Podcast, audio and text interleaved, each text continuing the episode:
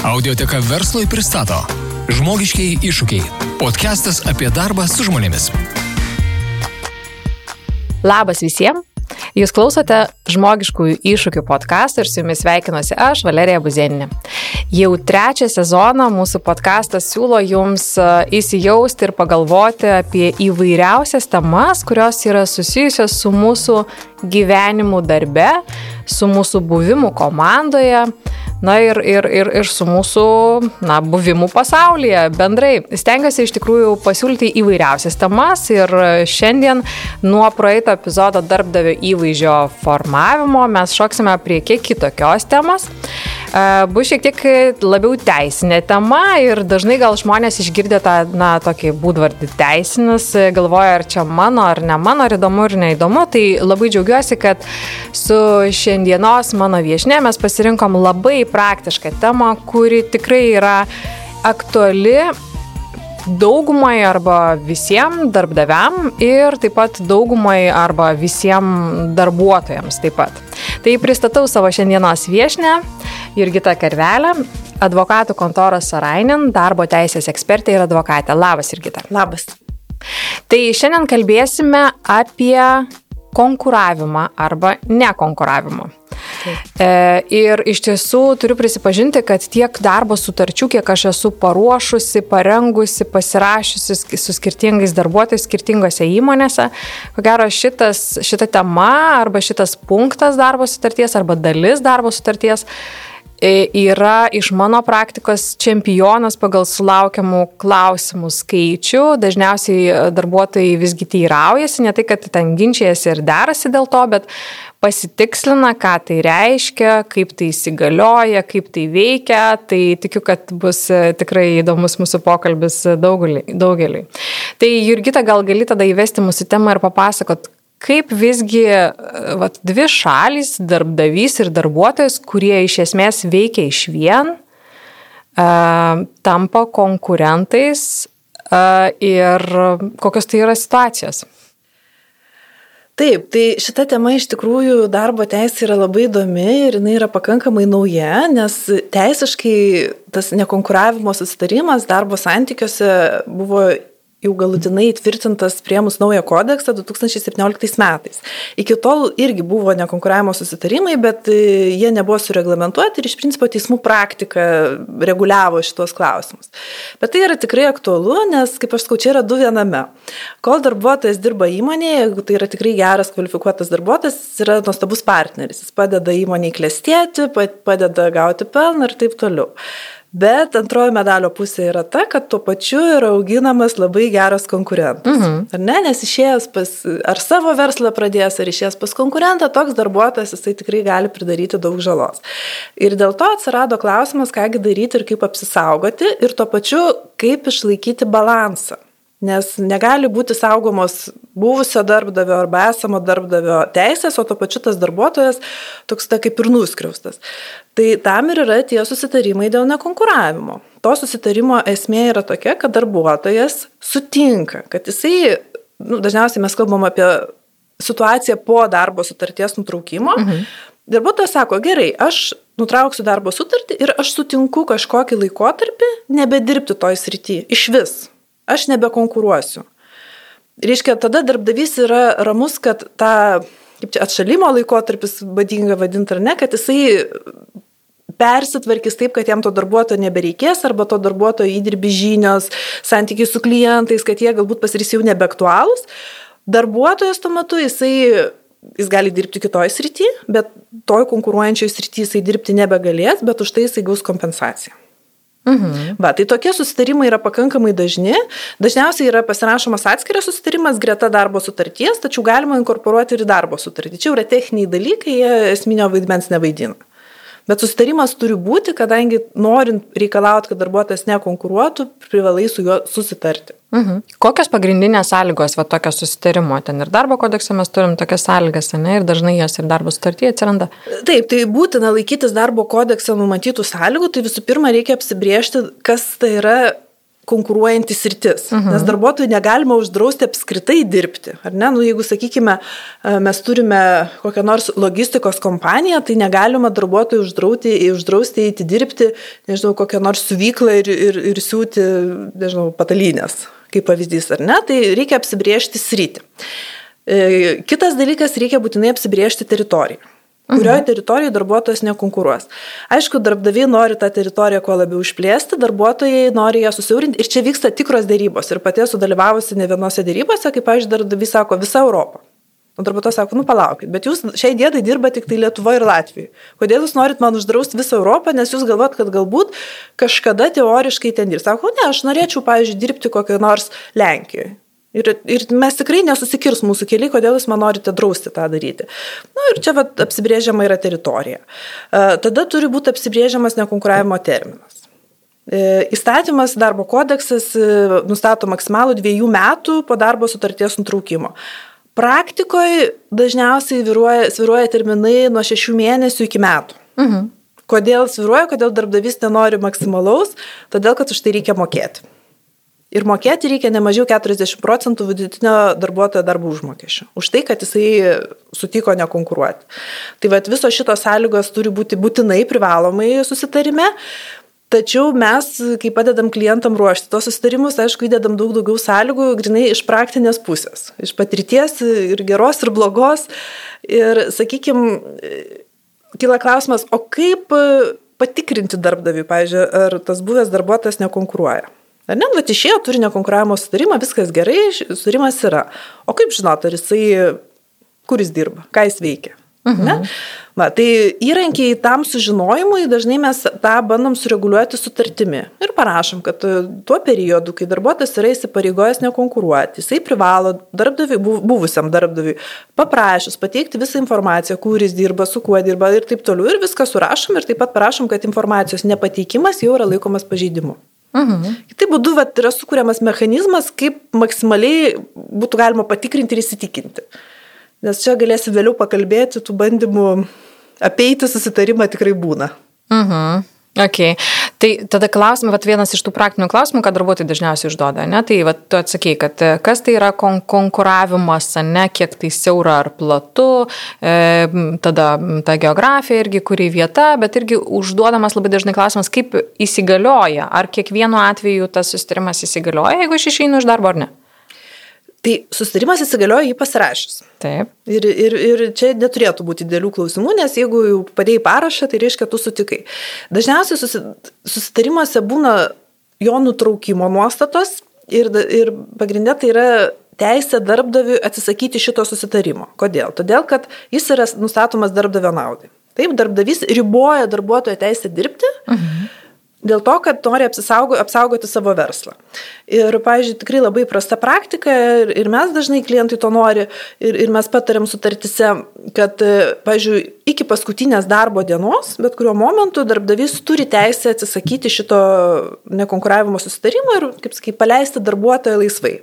Darbuotojas tokios teisės neturi, nes tai yra ne jo naudai, tai yra jau jo pareiga. E, taip pat e, irgi dažnai klientai pageidauja numatyti nutraukimą jau ir po darbo sutarties pasibaigimo. Nu, bet aišku, tada turi būti protingas įspėjimo terminas, dažniausiai mes kalbam apie vieną, du mėnesius, kad, kad tas susitarimas gali būti nutrauktas. Bet tai jau yra, kalbam apie nutraukimą, o ne apie įsigaliojimą. O šiaip jisai galioja.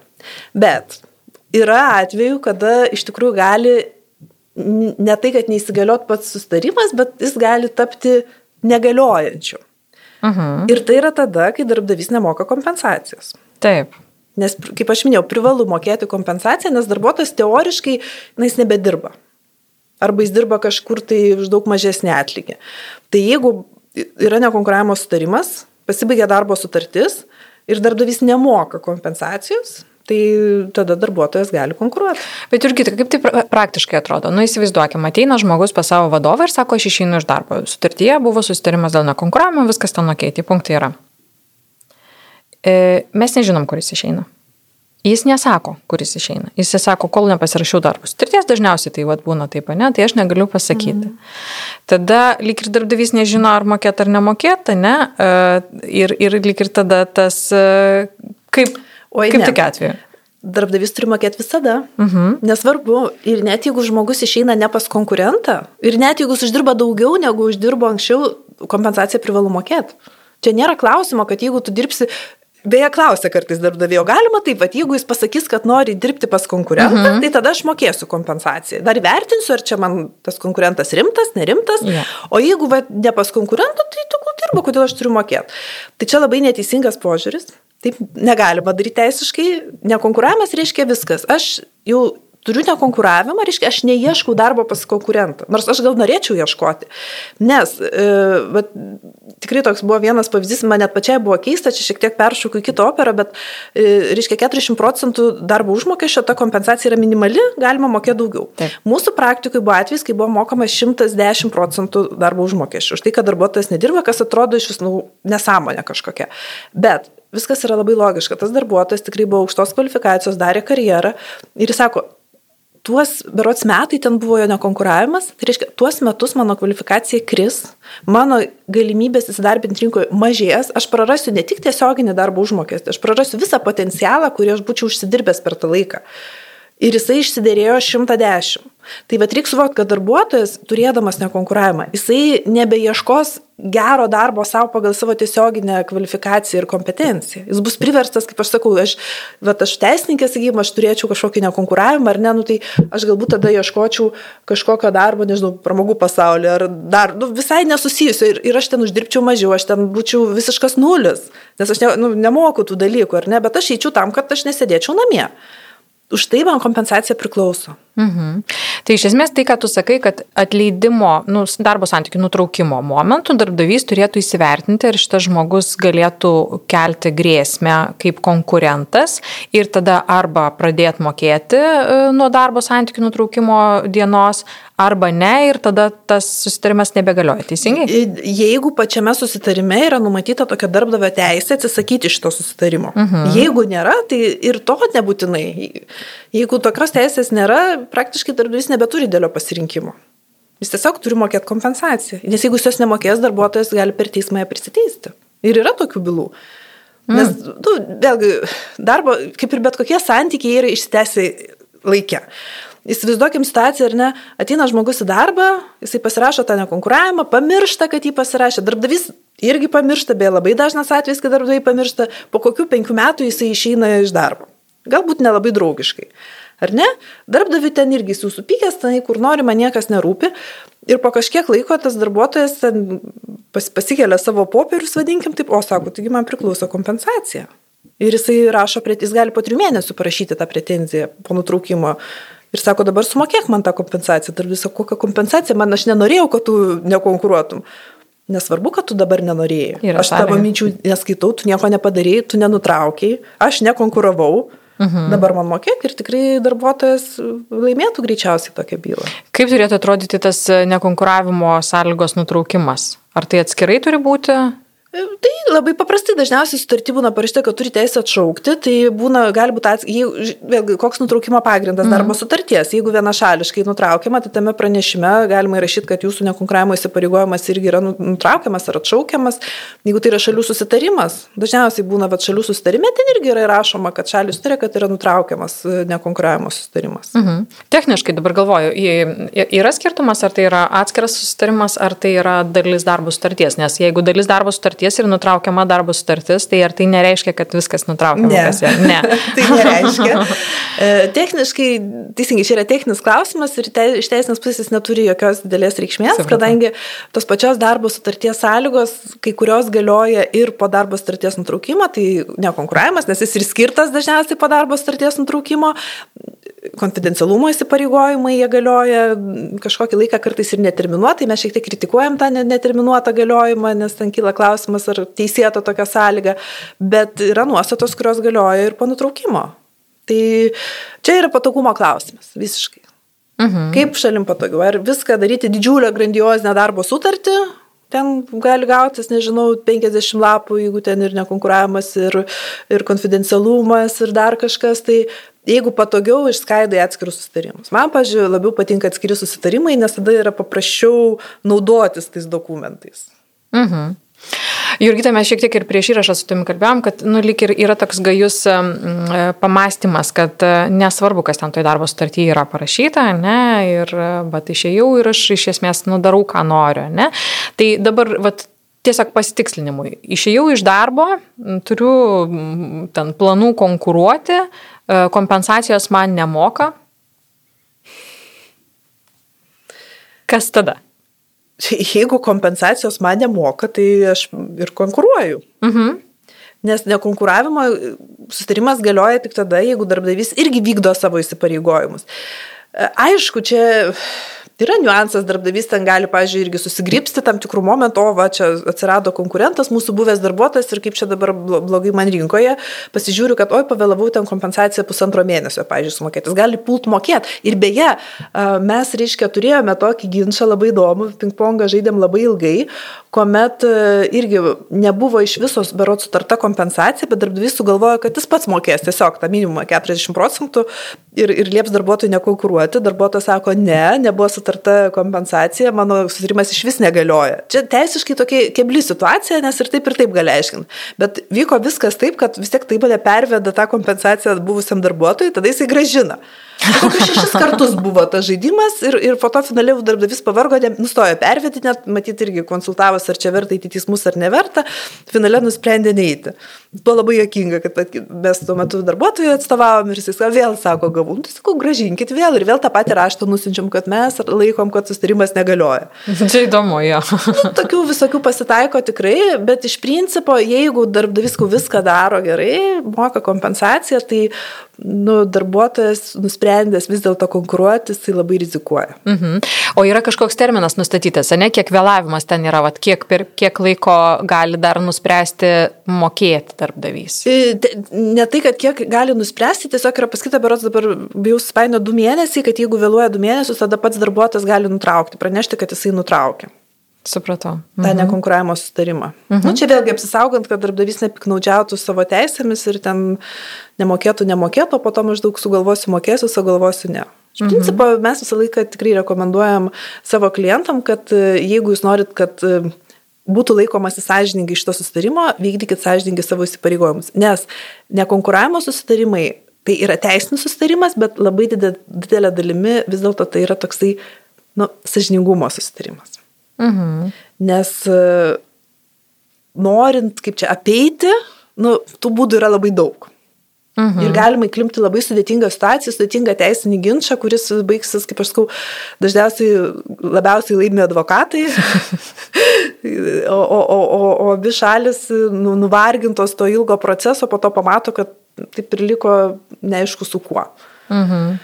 Okay. Bet, bet nu, pasitaiko ir tų ginčių, aišku. Aš dar galvoju, su šita tema ir su šitais va, darbo sutarties arba su, nu, darbo santykių punktais yra susijusi ir kita labai šalia stovinti tema konfidencialios informacijos apsaugos. Ir čia labai dažnai va, būna ko gero ant ribos. Taip. Kaip e, šitą temą tu matai? Jo, tai šitoj vietoj aš net pastebiu dažnai, kad yra šiek tiek painiojami dalykai, nes konfidenciali informacija jinai yra saugoma net ir be atskirų susitarimų ir net yra įstatymas specialus dėl komercinių paslapčių apsaugos, yra civiliniam kodekse pasakyta, kad turi būti saugoma. Aišku, dažnai įmonės apsidrausdamos pasirašo dar papildomai susitarimus, bet tai yra kitas dalykas, už jį nereikia nieko mokėti, nors beje žinau, kad yra valstybių, kur reikia mokėti ir vat, klientai iš užsienio klausia, ar pas jūs nereikia mokėti. Mhm. Lietuvoje nereikia mokėti už tai, kad darbuotojas neatskleidžia konfidencialios informacijos. Ir darbuotojas išėjęs iš darbo privalo laikytis. Ar pas konkurentą, ar ne pas konkurentą, nesvarbu, jis tą pareigą turi. Nekonkuravimo esmė yra ta, kad darbuotojui tiesiog yra draudžiama dirbti toj srityje. Net nesvarbu, Taip. ar jis kiek jis tų konfidencialios turi, neturi, naudoja, nenaudoja, nes vien jo išėjimas savaime jau reiškia darbdavių praradimą. Nu, pavyzdžiui, reiškia, mm, dažnai labai logistikoje šitie dalykai yra. Yra labai geras ten ekspeditorius, jisai visą laiką turi asmeninį ryšį su, su visais ir ten jau praktiškai tą patiną, reiškia, tie klientai ir, ir vežėjai ir, ir klientai ne, ne su įmonėje bendrauja, bet su to žmogum. Taip. Ir vien to žmogaus išėjimas į kitą įmonę, jis gali nieko nedaryti. Nenaudoti jokios konfidencialios informacijos. Jis tiesiog išeis ir visi paskui jį nueis. Nu, ne visi, bet didelė dalis. Ir jis nebus pažydęs konfidencialumo įsipareigojimų. Už tai su tokiais žmonėmis sudaromi nekonkuravimai, kad tu net neik.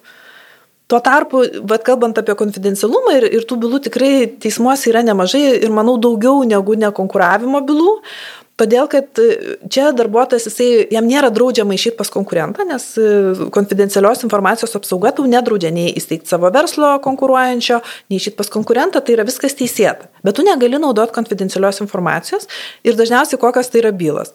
Išeina darbuotojas ir staiga kitą mėnesį pusės klientų nebėra. Mhm. Ar ne, kur jie visi dingo taip urmu. Ir sužinai, kad tas, klient, tas darbuotojas pasiemęs visą duombazę klientų, tvarkingai visiems ten apskambinęs, parašęs ir pasiūlęs šiek tiek mažesnės kainas galbūt, nes jis viską labai gerai žino, žino poreikius, žino kainas. Taip. Ir teismas yra pasakęs, kad klientų sąrašai su poreikiais ir kainomis yra konfidenciali informacija. Ir jisai tos klientus labai gražiai perima. Tai šitoj vietoj mes jau galim kalbėti apie konfidencialumo pažeidimą ir atsakomybę taikyti už konfidencialios informacijos pažeidimą. Bet viskau reikia atskirti šitos du dalykus. Žiūrėk, tada klausimas. E, reiškia, nekonkuravimo ir konfidencialios informacijos apsaugos. E, tai ar tai reiškia, kad nekonkuravimo sąlygos turėtų būti labiau pasirašomos su tom pozicijom, su tai žmonėmis, kurie visgi, na, identifikuoti yra kaip pat tokie, nežinau, vadovai, kaip tu sakai, ten kažkokie kertinės pozicijos įmoniai. Nes šiuo metu galiojanti praktika yra, kad dažniausiai tai būna visose darbo sutartyse, tiek viena, tiek kita. Tai labai bloga praktika. labai bloga ir netgi prieštaraujanti civiliniam, civiliniam darbo kodeksui. Nes darbo kodekse pačiam parašyta, kad nekonkuravimo sutarimai gali būti sudaromi tik su tais darbuotojais, kurie turi specialių žinių ir kurių išėjimas pas konkurentą gali padaryti žalos darbdaviui. Mes mhm. negalim pasirašyti nekonkuravimo, pavyzdžiui, su žmogaus batėjų gatve kloja plyteles statybininkas. Nu kokį nekonkuravimą tu su juo, kokią žalą padarys išėjęs į kitą statybinę įmonę. Nu, nu žinai, žala toks dalykas, tu gali. Nu, tai, čia labai plačiai žiūrint, tai taip, kiekvieno darbuotojo praradimas gali galim sakyti, yra kažkokia žala, bet čia netokio lygio mes kalbam žalą. Ne? Tai su tokiais, net, čia netgi kiltų klausimas, ar galioja toks sustarimas, jeigu teisme, ar ne, pažiūrėjau, tas darbuotojas, toks, sakykime, tas plitelių klojėjas, sakytų, su manim negalėjo į mane pasirašyti nekonkuravęs, aš neturiu kažkokių specialių žinių. Ir greičiausiai teismas taip ir pasakytų, nes darbo kodeksai yra ribojimas. Turi būti va, tam tikros kvalifikacijos, pareigybės, specialybės, specifinių žinių, know-how, kažkokių tai gebėjimų ypatingų. Nu, va, pavyzdžiui, nu, irgi turėjome klientų, sakykime, tai yra mokslininkai. Jie kūrė tam tikrą technologiją, unikalią technologiją. Tai va tokio mokslininko išėjimas pas konkurentą jau savaime, jis, jisai nepažįs jokio konfidencialumo, jisai tiesiog naudos savo žinias, kurias įsigijo universitete, dar kažkur tai, kur jis turi asmeninių labai gerų gebėjimų, bet jis kurs pas konkurentą praktiškai tą patį produktą, arba jeigu ir ne tą patį, bet labai panašų, nes jis kitko gal ir nemoka daryti. Mhm. Tai jis nieko nepažydžia konfidencialumo, bet jisai konkuru, nu, konkuruoja, jisai mhm. padaro žalą. Tai darbdavys tikrai turi atsirinkti, su kuriais darbuotojai sudarinėti, tai yra dėl kelių priežasčių. Pirma, kad apskritai tie susirimai galiotų, o antra, kad jisai irgi neįkliūtų į tą situaciją, kad jis turi po to visiems labai daug mokėti ir mokėti praktiškai už nieką. O trečia, kad tokiu būdu iš tikrųjų nepagristai varžomi tie darbuotojai. Mhm. Nes tugi nėra tikslo iš principo neleisti darbuotojui dirbti. Mhm. Nu, okay, gerai, dabar grįžtam tada prie konfidencialios informacijos. O tik kaip vat įrodyti, kad tas žmogus naudojasi kažkokia konfidencialia informacija. Net jeigu jisai nenukosėjo ne, ne tos duomenų bazės, jis išsineša labai daug e, savo dėžutėje ant, ant pečių, ne? Jo, mes turėjome bylų, kai žmonės radinėjo, kad ant pečių išsinešė visą ten kelių tūkstančių klientų duomenų bazę su vardais, pavardėm ir telefonais ir -hmm. mailais. Tai aš čia šiek tiek ironizuoju, bet iš ties taip labai daug informacijos yra mm, pa žmogų galvoje ir jisai natūraliai ją naudoja, net galbūt ir nenorėdamas nieko pažeidinėti. E, bet čia mes kalbam, nu, dažniausiai žmogus supranta, kada jau jis neleistinai naudoja ir dažniausiai ta informacija būna kažkokiu būdu išnešta. Dabar įrodinėjimo klausimas. Čia yra kitas. Mes prieš tai kalbėjome apie patį susitarimą ir tą pagrindą reikalauti, kad darbuotojas kažką darytų ar nedarytų. Dabar mes peršokame tą, o kaipgi, reiškia, pagauti darbuotoją už rankos ir įrodyti, kad jisai pažeidė sutarimą, kad vėliau mes galėtumėm kompensacijos prašyti. Kaip aš sakau, įrodinėjimo procesas yra atskira meno rušis Man jinai labai patinka, nes aš dirbu su ginčiais, esu ginčio advokatė ir, ir tas tyrimo procesas man visą laiką be galo žavi, nes čia yra begalinė kūryba. Tai čia reikia sugalvoti, kaip, kaip tu, kokiu būdu tuos įrodymus gausi, kartais tu juos net šiek tiek paprovokuoji įvairiais būdais ir, ir, ir tai gali būti bet kas. Nu, pavyzdžiui, e, visą laiką reikia, jeigu jau kyla, aišku, tą reikia daryti anksčiau, kol prieš kylant įtarimų, nes darbuotojas, jeigu sąmoningai pažeidinėjai, tai tas pėdas mėto ir viską maskuoja. Bet tarkim, labai dabar neretai įmonės pačios pastebi, yra te techniniai dalykai, patikrinti, reiškia, um, išeidamas ar prieš išeidamas darbuotojas, kiek informacijos įsirašė kokią nors ten USB stiką į kažkokį kitą prietaisą. Ar ne? Šitą galima pamatyti. Netgi nemažai įmonių jų apskritai turi tokią sistemą, kad, e, reiškia, yra monitorinami darbuotojo vidutiniai, kiek jis ten kokių failų atsidaro ir taip toliau. Ir jeigu pagauna sistema, kad staiga per vieną dieną, šiaip tu atsiradai, pavyzdžiui, 20 failų, o vieną dieną pas tave 200 failų atidaroma ir ten, tai iškart sistema duoda alarmą ir, ir IT kažkoks specialistas jau tikrina, kas ten vyksta. Tai čia būdas dar ir prevenciškai užkirsti. Bet gali būti ir po to, kad vėliau pasamdai įtistą, tau patikrinai, sako, o mes matom, kad čia jis prieš išeidamas, reiškia, prisikopijavo labai daug, daug. Tai jau turi įrodymą, kad jis pasiemė tą informaciją. Faktas, kad pasiemė. Ok, galbūt pasiemimas savaime nebus pažydimas, nors irgi gali būti, nes pagal konfidencialumo susitarimą galima susitarti, kad jeigu tu pasiemi konfidencialią informaciją, tai jau yra pažydimas. Nu ir tada žiūri pagal faktą. Jeigu matai, kad pradedi praradinėti klientus, nu, tai čia įvairiai, gali tiesiai išviesiai tų klientų paklausti ir kartais jie pasako, tai va, mes gavom pasiūlymą iš Petro. Mhm. Petras parašė, kad jis dabar dirba ten ir mums pasiūlė geras sąlygas. Tai čia jau yra nuostabus tiesioginis įrodymas. Gali būti tie įrodymai, nežinau, per, netgi būna per skelbimus, ten reklamas, nu, čia bet kas. Detektyvo darbas. Detektyvo darbas visiškai ir, pavyzdžiui, vat, labai man net buvo toks pasitenkinimas, kai, reiškia, tas įrodymas atkeliauja atsitiktiniu būdu ir tikrai ne vieną kartą tai buvo pas skirtingus klientus, kuomet, reiškia, išėjo darbuotojas, pradeda vilioti tuos klientus ir tada tie klientai supainioja e-mailą Ir uh mhm. -huh. kur turi nusiųsti tuo naujuoju, siunčia po senovį senuoju ir gauna jau tas buvęs darbdavys ir ten viskas kaip ant delno. Visa informacija, kad, kad va, ten dirba su tuo klientu, vas neten ką pasiūlė ir taip toliau. Tai čia yra irgi nuostabus įrodymas. Šiaip apskritai dabar, kai va, mes gyvenam tam technologijų amžiui, ten yra visos ten ir appsai, programėlės ir, ir viskas kaip yra atsekama ir palieka pėtsaką. Tai jeigu tik gauni kažkokį prieimą, tai Įro, vat, irgi pavyzdys prisiminiau, tikrai buvo, ir čia aišku klausimas kyla dėl įrodymų leistinumo naudoti teisme, bet mes naudojam ir, ir teismas priėmė. Tai darbuotojas, čia buvo nekonkuravimo sustarimas, bet mhm. kalbam apie įrodinėjimą, tai turbūt didelio skirtumo nėra. Reiškia, darbuotojas buvo sutaręs nekonkuruoti, jis išėjo iš darbo ir savo asmeninį messengerio jo messengeris, man atrodo, ten buvo Facebook'o akantais, buvo prikabinės prie darbinio e-mailo. Mhm. Ir atėjo į darbinį e-mailą žinutę, kad jūs gavot naują pranešimą ir ten pasirodo, jokių pasvardų sudėti nereikia, užtenka pas, pa, paklikinti tos nuorodas ir tave ir, ir kitas darbuotojas, kuris tiesiog atėjo į to darbuotojo vietą, Jis paklikino, jam atsidarė visas tas Facebook'o susirašinėjimas ir ten juodo ant balto visi, kaip jis konkuruoja, kaip jis ten slapta, reiškia, su tuo klientu dabar pradėjo ryšius daryti ir taip toliau. Ir, nu, tai ką, mes viską paėmėm ir pateikėm teismą. Mhm. Ir kas tada, ką, ką darbdavys gali pristeisti šiuo atveju?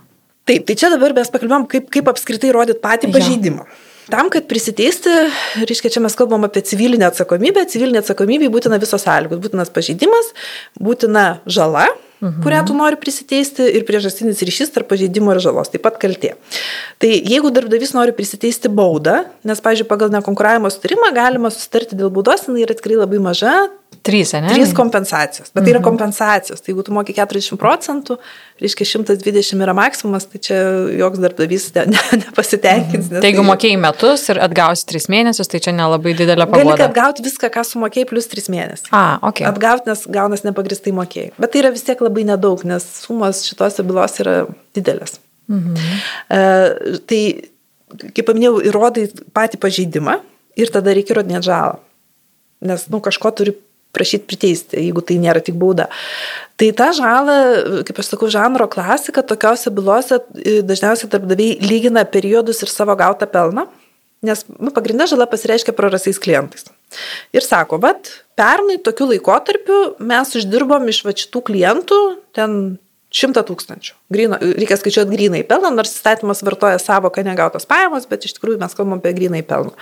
Naudą, kurią gavo darbdavys. Ir sako, bet mes uždirbam 100 tūkstančių iš to kliento. Bet po to, kai išėjo šitas ir pradėjo konkuruoti ir nuviliojo mūsų klientą, mes uždirbam 10 tūkstančių iš to kliento. Reiškia, 90 tūkstančių yra mūsų žala. Mhm. Ir prašo priteisti tą žalą. Plius kompensacija, kurią mes kalbėjom trijų mėnesių. Plius gražinti kompensaciją ir baudą, bet dažnai, sakau, ten būna nereikšmingos sumos. Bet tos, tos žalos yra iš tikrųjų rimta ir tas pats ir vat, su konfidencialia informacija. Ir vėlgi, va čia iš, iš kitos patirties atsimenu, skambino pažįstama viena mano ir sako, ką man daryti, aš dirbu, reiškia, jinai kalba itališkai, lietuviško įmonė prekiaujančiai medieną dirba ir sako, aš dirbu su italais ir man dabar kita įmonė irgi siūlo geresnės sąlygas, nelabai daug geresnės, bet geresnės. Ir sako, aš turėčiau dirbti su italais. Ir mano pirmas, sako, bet turiu konfidencialumo sustarimą. O, o tu dirbsi su tais pačiais italais, su kuriais tu dabar dirbi, tais užsakovais. Tai jo, sako, tai jie paskui mane ir nais. Nu, sakau, dabar aš tau papasakosiu rizikas. Uh mhm. -huh. Kuo tu rizikuoji, papasakok, kaip žala yra apskaičiuojamas ir tu įsivertink, ar tau verta rizikuoti ar ne, nes galbūt tas darbdavys nieko nedarys, buvęs ar ne, ir ne, ne, nepradės procesų. Bet jeigu vadarys, tu rizikuoji šituo. Tai mes pakalbėjom gal 15 minučių, jis sako, ne Tu tik geriau su teisininkais nekalbėti. nu, nežinau, gal kaip tik geriau kalbėti, po to išvengti, nes... Nu, Tiesa, aš juokauju irgi. tai, bet aš noriu pasakyti, kad tie susitarimai, jie labai veikia ir prevenciškai. Mhm ne tik, vad, kalbam, kad jau kas čia bus, kai, kai pažeidinėsiu. Ne, dažniausiai žmonės tiesiog nusprendžia nepažeidinėti. Įsivertina. Žinoma. Mhm. Ar turi kažkokių mėgstamiausių pavyzdžių iš ginčių bylų, būtent e, šitos ties nekonkuravimo arba konfidencialios informacijos? Nu, tai čia sunku pavadinti mėgstamiausiais, tų bylų tikrai buvo ne viena, bet, vat, pažiūrėjau, viena buvo, kur aš jau paminėjau, ar ne, kad nu, vis, įdomioji dalis yra įrodymų rinkimas. Visada. Mhm. Tai vat, viena buvo, kur buvo atsidarytas tas Facebookas ir mes viską pamatėme. Viena byla buvo, kur irgi mes nustatėme, pavyzdžiui, žmonės neįvertina, kad daug kur dabar yra kameros ir jos filmuoja. Reiškia, irgi buvo darbuotojas pareigojęs nekonkuruoti bet jisai, reiškia, Ir čia dar darbo sutarties galiojimo metus pradėjo versliuką iš šoną savo, ne savo vardu be abejo. Ir kadangi verslas lygiai toks pats, jam reikėjo su automobiliu įvažiuoti į tam tikras teritorijas, kur yra išduodami leidimai. Bet ant naujos įmonės jis to leidimo gauti negalėjo, tai simdavo darbinę mašiną to darbdavio su, su numeriu mašinos, užsidėdavo naujos įmonės pavadinimą ant lango ir, ir važiuodavo į tą teritoriją, jau kaip savo tas įmonės atstovas. Ir kadangi yra kameros, viskas pavyko gauti tas, tas nuotraukas. Va, tai čia labai daug pasitenkinimo yra surinkus tuos įrodymus. Taip pat, su, kai suklysta tuos e-mailus parašo, ar ne, ir klientas skambina, sako, o, va, mes gavome, žiūrėkite, mes turime įrodymą. Taip pat, e, vėlgi, kai pavyksta susidėlioti ir dažniausiai, kai įrodymų yra pakankamai, tai mes tose bylose, jau byla būna aišku pradėta, e, pavyksta susitarti taikiai. Nes jis vertina mhm. abi dvi pusės, kiek čia galima laimėti, kiek negalima. Ir dabar galvoju, mano, mano praktikoje didžiausia suma, kurią mes e, dabar, turbūt ten buvo priteista suma, buvo apie šimtas tūkstančių. Žala padaryta, mhm. ką teismas priteisė. O teismai tikrai, tikrai esant įrodymų priteisė. Nes irgi, va, aš girdėjau, ir klientai kartais sako, kad, nu, čia labai sudėtinga ir praktiškai neįmanoma. Taip yra sudėtinga įrodyti pažeidimo faktą, Bet jeigu tu įrodai, tada jau nėra sudėtinga prisiteisti. Mhm. Aš dar žinai, ir kitą tu paminėjai, dar dirbdamas, ne, apie tą, kalbėdama apie tą pavyzdį. Ir šiuo metu mes ką pastebim, kad ypatingai visiems nuotoliniu būdu dirbant, e, ryškėja keletą tendencijų. Viena tendencija yra tai, kad žmonės pakankamai dažnai nutraukia savo darbo sutartis ir pasirašo kokias e, paslaugų sutartis, tai yra freelancina net tam pačiam darbdaviui, apriboja savo arba ten uh, na, kiekį darbų ar ten projektų ar valandų ir panašiai. Ir kita tendencija yra, kad iš tikrųjų žmonės, e, tam tikra grupė žmonių nusprendžia dirbti pas kelis darbdavius tuo pačiu metu, nes, nu, tu sėdi namuose, gal ten ne visada apkrautas, ar tu nori papildomai kažką. Ir čia iškyla, ko gero, tas nekonkuravimo ir konfidencialios informacijos panaudojimo irgi klausimas, dar dirbant pas tą patį darbdavį, ar tu esi darbuotojas, arba tu esi, nu, laisvai samdomas ar kažkoks tiekėjas kaip šiuo atveju? Čia labai daug klausimų viename Aha, buvo. Pabandysiu išlūkštenti. Pradėsim nuo to, kad kalbant grinai apie tą švarų nekonkuravimą, tai darbo kodeksas čia taip įdomiai išsirutuliojo, kad jis numato, kad norint uždrausti darbuotojui konkuruoti darbo starties galiojimo metu irgi reikia mokėti kompensaciją kas mano supratimu yra nesąmonė. Įdomu. Bet taip, taip čia prieš istoriją galėčiau papasakoti, gal per, per kitą bus sutikimą, kai bus laiko. Bet žodžiu, taip yra. Todėl jeigu tiesiai šviesiai darbo startį rašai, kad kol tu dirbi pas mane, tu negali dirbti pas konkurentą, taip ir rašai, tu turi mokėti ne mažiau 40 procentų on top nuo atlyginimo. Aišku, tai darbdaviai nenori to daryti, nes nu, tai nekonkurencinga ne, ne rinkoje ir nelabai yra prasmės. Tuomet yra remiamasi kita darbo kodekso nuostata, kuri kalba, kad darbuotojai turi būti lojalūs savo bendroviai ir vengti interesų konflikto. Ir čia yra susitariama, kad tu nedarysi nieko, kas gali sukelti interesų konfliktą. Tai nėra tiesiogiai konkuravimas, nekonkuravimas, bet tai yra tu negali savo asmeninių prioritetų pastatyti aukščiau negu įmonės prioritetai. Ir išeinama per tą interesų konflikto vengimą. Dažnai sutartys iš tikrųjų yra, sus... darbdavys negali uždrausti darbuotojui dirbti kito darbo. Nors ir aš esu mačius sutarčių ir mes jas tikrai paaiškinam tokiem darbdaviam, kad jūs rizikuojat, kad tokios nuostatos greičiausiai nebus galiojančios, tiesiog viską drausti. Vat negali niekur dirbti kitur, kol dirbi pas mane. Nu, čia yra per, per nelik didelis ribojimas vis dėlto žmogui, mhm. nes kaip aš sakau, jeigu aš dirbu teisininką, kodėl jūs man norit uždrausti vakarais nueit, pavyzdžiui, padirbti darželio auklėtoją. Nu, mhm. man labai patinka žiūrėti vaikus. Aš niekam netrukdau šitą šitą vietą, ar ne? Tai toks visiškas absoliutus ribojimas greičiausiai būtų neteisėtas ir jau yra teismų praktika, kuri irgi sako, kad taip negalima daryti. Kitas variantas yra švelnesnis, tai yra sakoma taip, e, kad okay, mes tau nedraudžiam, bet mes norim turėti teisę įsivertinti, ar mhm. tavo ta kita veikla nesukurs interesų konflikto ir nepadarys mums žalos. Todėl mes prašom tiesiog tu mus informuok kiekvieną kartą ir mes tau pasakysim, ar mes matom konfliktą ar ne. Tai tokios nuostatos jau gali būti ir mes patys labai dažnai rekomenduojame savo klientams, kad tai tiesiog yra, nu, toks draugiškas pasitarimas, ar aš tau leisiu ar neleisiu. Nes jeigu, kaip sakant, darbuotojas už akių dirba, jis gali ir pats pradžioje nesuprasti, kad čia gausis didelis konfliktas. Tai dabar grįžtant prie to klausimo, kad darbuotojai, nu, nesvarbu, iš namų, ne iš namų, aišku, iš namų tai yra techniškai patogiau daryti, nes niekas nemato, ką tu veiki. Reiškia, ir jisai nori dirbti keliam darbdaviam Tai aš manyčiau, kad, na, teisinga turėtų būti taip, kad jisai tiesiog turi informuoti likusius kitus, ar ten vieną kitą ir, ir sakyt, va, aš dabar dirbsiu šitam. Ir gali būti įvairių variantų. Tas vienas variantas dar vis sako ne, nes tu, kaip mes kalbėjome, galima sakyti ne.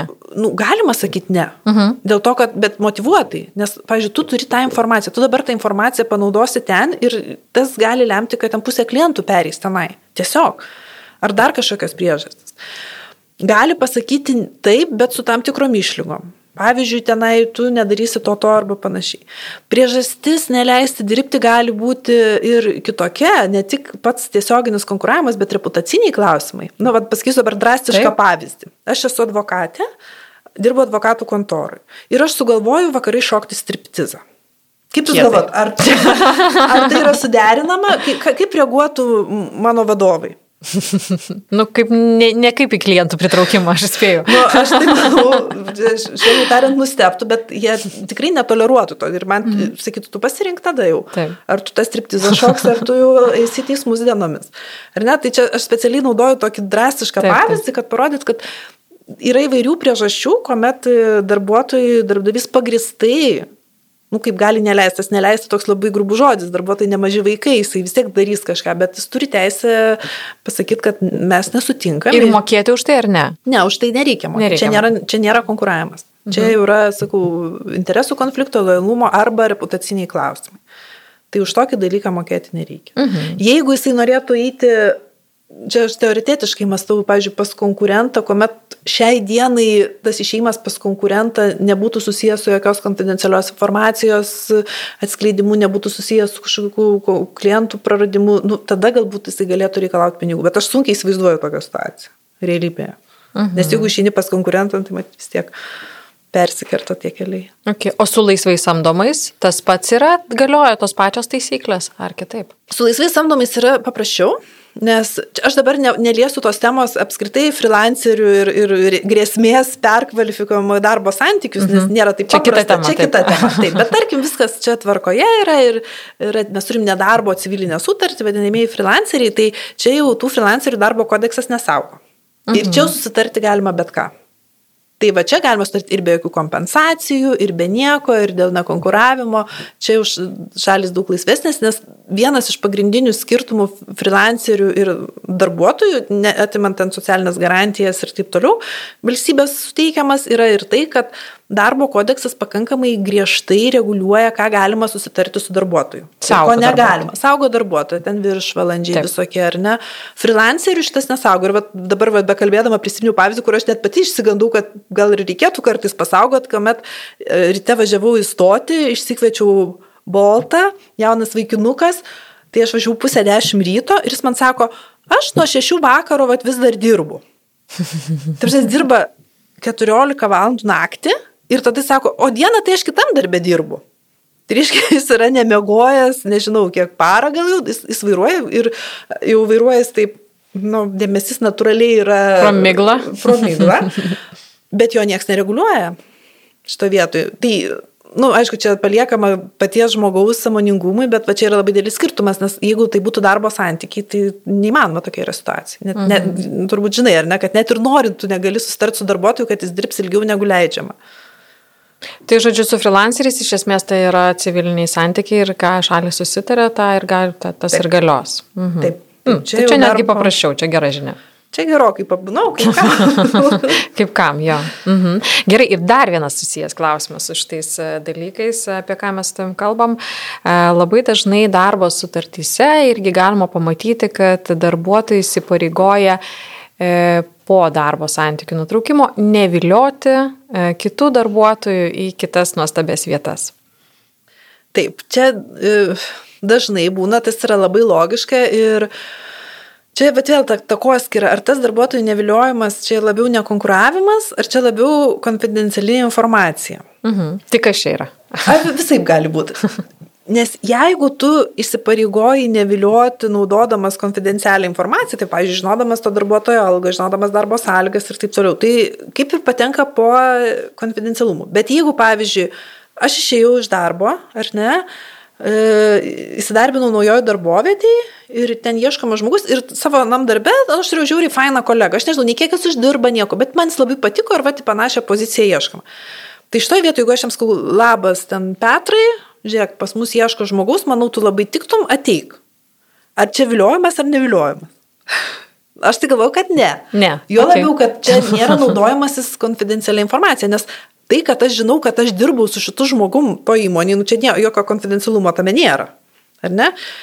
Ir čia mm, nėra pasinaudojimas konfidencialia informacija, reiškia, čia jau galėtų patekti į nekonkuravimo sritį ir Mhm. tokiu atveju jau tas draudimas galėtų galioti tik tai, jeigu yra pasirašytas susitarimas dėl nekonkuravimo. Nes jeigu toks būtų, jau taip, jau čia atliekami veiksmai nesažininkos konkurencijos. Kitas dalykas dar yra, irgi čia dažnai mes susidurėm Pagal konkurencijos įstatymą, turbūt irgi girdėjusiasi, kad yra draudžiama teikti siūlymus konkuruojančio subjekto darbuotojui nutraukti darbo sutartį su tikslu gauti pačiam naudos arba su tikslu padaryti žalos. Ir kartais klientai sako, tai va mes darbuotojui pareikšim pretenzijas pagal konkurencijos įstatymą. Bet negalima to daryti, nes mhm. konkurencijos įstatymas yra taikomas tik ūkio subjektams. Mhm. Mhm. Tai konkurentui gali išstatyti. Pačiam konkurentui. Tai vat, galima taip, jeigu tavo darbuotojas nuėjo pas konkurentą ir tavo darbuotojas ima vilioti tavo žmonės, tai pagal konkurencijos įstatymą pretenzijas gali reikšti tai įmoniai. Uh -huh. Ir sakyt, kad tu, kaip įmonė, vilioji mano darbuotojus ir pažeidinėjai. Okay. Ir čia galėtų iš tikrųjų būti, ypač jeigu atsiranda ir teismai labai žiūri kiekį. Jeigu ten vieną darbuotoją iš šimto persivilioja, nu, tai viena situacija, bet jeigu, pavyzdžiui, 30 iš šimto ir uh -huh. pšt, pereina visi pas kitą darbdavį, tai jau yra akivaizdus viliojimo požymiai. Tai iš esmės tas punktas jisai reikalingas, jisai, jisai validus yra, mm, kad darbdavys tau draudžia vilioti išėjus kitus darbuotojus. Čia įmanoma įrodyti, yra tokių bylų. Vien dėl viliojimo aš neturėjau, dažniausiai būna daugiau dalykų ir klientai būna ir taip toliau, bet e, mes klientams siūlom taip, kad draudžiama vilioti kitus darbuotojus naudojant konfidencialią informaciją. Tada pats punktas tikrai validus, tikrai mhm. galiojantis. Klausimas, kaip, kaip čia mes savo enforcinti, kaip jį reikėtų, jeigu būtų situacija, nes tektų įrodinėti, kad tas nebuvo šiaip suviliojimas, bet naudojant konfidencialią informaciją. Bet su darbuotojų viliojimu praktikoje dažniausiai pripažįstamas tas viliojimas ir atsakinga būna pati įmonė, ta, kuri vilioja, rečiau galbūt pats darbuotojas, kai yra, kaip aš minėjau, tas masiškumas. Masiškumas ir trumpai laikė. Nors irgi yra įvairių situacijų, pavyzdžiui, buvo viena, dabar prisimenu vieną nelabai seną bylą, kuomet didelė grupė darbuotojų iš vieno darbdavio perėjo į kitą konkuruojantį ir, aišku, tas buvęs darbdavys inicijavo ginčą. Ir teismas vertino, kad tie darbuotojai turėjo pagrindą išeiti, nes tas buvęs darbdavys labai negražiai elgėsi. Sudarė labai blogas sąlygas, vėlavo mokėti atlyginimą ir tie darbuotojai natūraliai ieškojo, kur išeiti ir ten labai Taip tiesmukiškai netgi teismas parašė, kad jeigu pats darbdavys nesirūpina savo žmonėmis, tai jis neturi teisės paskui reikalauti kažkokių nuostolių, jeigu konkurentas pasiema ir pasirūpina tai žmonėmis. Mhm. Tai čia yra tiek unikalių situacijų ir labai sunku taip abstrakčiai pasakyti, vad kaip būtų, jeigu būtų. Mhm. Bet grįžtant prie klausimo, ar validus tas punktas, reiškia, nu, tai turbūt tas klausimas, ar apskritai tokį punktą rašyti, Taip. tai aš manau, kad tikrai rašyti reikia, Nes, kaip minėjau, tai jau prevenciškai veikia. Nes darbuotojas, kuris pasirašė, kad jis supranta, kad jis neturi tokios teisės, nu jis greičiausiai to ir nedarys, arba jeigu darys, tai jiems tiek bus baisu. Tai reiškia, jis netaip drąsiai darys. Ir ta prevencija iš tikrųjų veikia ir, ir apsaugo buvusi darbdavį. Uh mhm. Nes mano supratimu, iš tikrųjų tokie, kaip, nu, būna tokie įžūlus viliojimai naujo darbdavio atžvilgių, tai, nu, mano galva, tikrai neteisėta yra. Okay. Gerai, labai buvo įdomu iš tikrųjų, Jurgita. Pabaigai gal galėtum pateikti iš savo pusės pagrindinius patarimus darbdaviui, kaip apsisaugoti ir galbūt keletą dalykų irgi darbuotojų, ką turėtų apgalvoti pasirašant. Taip, tai darbdaviui aš turė, turėčiau tokį patarimą, kad visų pirma pasirašyti tvarkingus susitarimus, sąžiningus susitarimus, iš tikrųjų, kad nepult pasirašyti, pavyzdžiui, nekonkuravimo su visais iš eilės, mhm. o tik tai su tais, kuriais yra svarbu. E, sąžiningai laikytis pačiam tų susitarimų. Labai svarbu yra tinkama komunikacija. Be galo svarbus dalykas, jau neteisiniai dalykai, tai yra paaiškinti, kodėl, e, atsakyti visus darbuotojo klausimus, neslėpti nuo darbuotojo, kažko nedaryti už akių. Nepamiršti, čia labai svarbus patarimas, nutraukiant darbo sutartį, nepamiršti pasitikrinti, ar nėra nekonkuravimo susitarimo su tuo darbuotoju, ypač tiems, kurie masiškai pasirašo su visais, pamiršti ir po to gauna reikalavimą mokėti kompensaciją, tai šitą pasitikrinti visada ir atšaukti, jeigu, jeigu tokio nėra. Ir kaip aš sakau, sąžininkai elgtis su darbuotoju. Iš darbuotojų mano patarimas irgi, kad jeigu jūs žinot, kad jūs norėsite po to pas konkurentą, nepasirašinėti nekonkuravimo sutarimų. Atvirai pasakyti, aš nepasirašysiu, nes aš planuoju konkuruoti, o nedaryti priešingai, pasirašyti susitarimą, po to ieškoti, kaip jį apeiti. Jeigu turi nekonkuravimo sutarimą, nutraukus darbo sutartį, pakentėti tą laikotarpį, tikrai nekonkuruoti, nes tai finale tam darbuotojui ir reputacinė prasme yra labai geras dalykas, ar ne jis netampa tokiu apgaviku rinkoje. Ir iš tikrųjų dažniausiai, sakau, tie laikotarpiai nebūna maksimalus dviejų metų ir, ir jie labai greitai praeina ir, na, darbuotojas pailsi arba padirba kitą darbą, čia irgi yra nau, naujos galimybės, bet to pačiu jis išlaiko labai gerus santykius su buvusiu darbdaviu ir labai dažnai būna, kad tie keliai vėl susieina. Mhm. Ačiū tau labai. Iš tikrųjų labai naudingi, labai praktiški patarimai ir aš pati nemažai naujo sužinojau. Tai ačiū kitą už pokalbį. Ačiū labai. ir iki sekančio karto. Iki. Jūs klausite podcast'o Žmogiškiai iššūkiai. Kad nepraleistumėte naujų epizodų, kviečiame prenumeruoti laidos naujienlaiškį adresu žmogiškiai.lt. Podcast'ą prenumeruoti taip pat galite per Apple Podcast, Google Podcast, Spotify, Stitcher ir kitose platformose. Laidos partneris Audioteka verslui. Nuolatinio tobulėjimo kultūra jūsų organizacijoje. www.audiotekaverslui.lt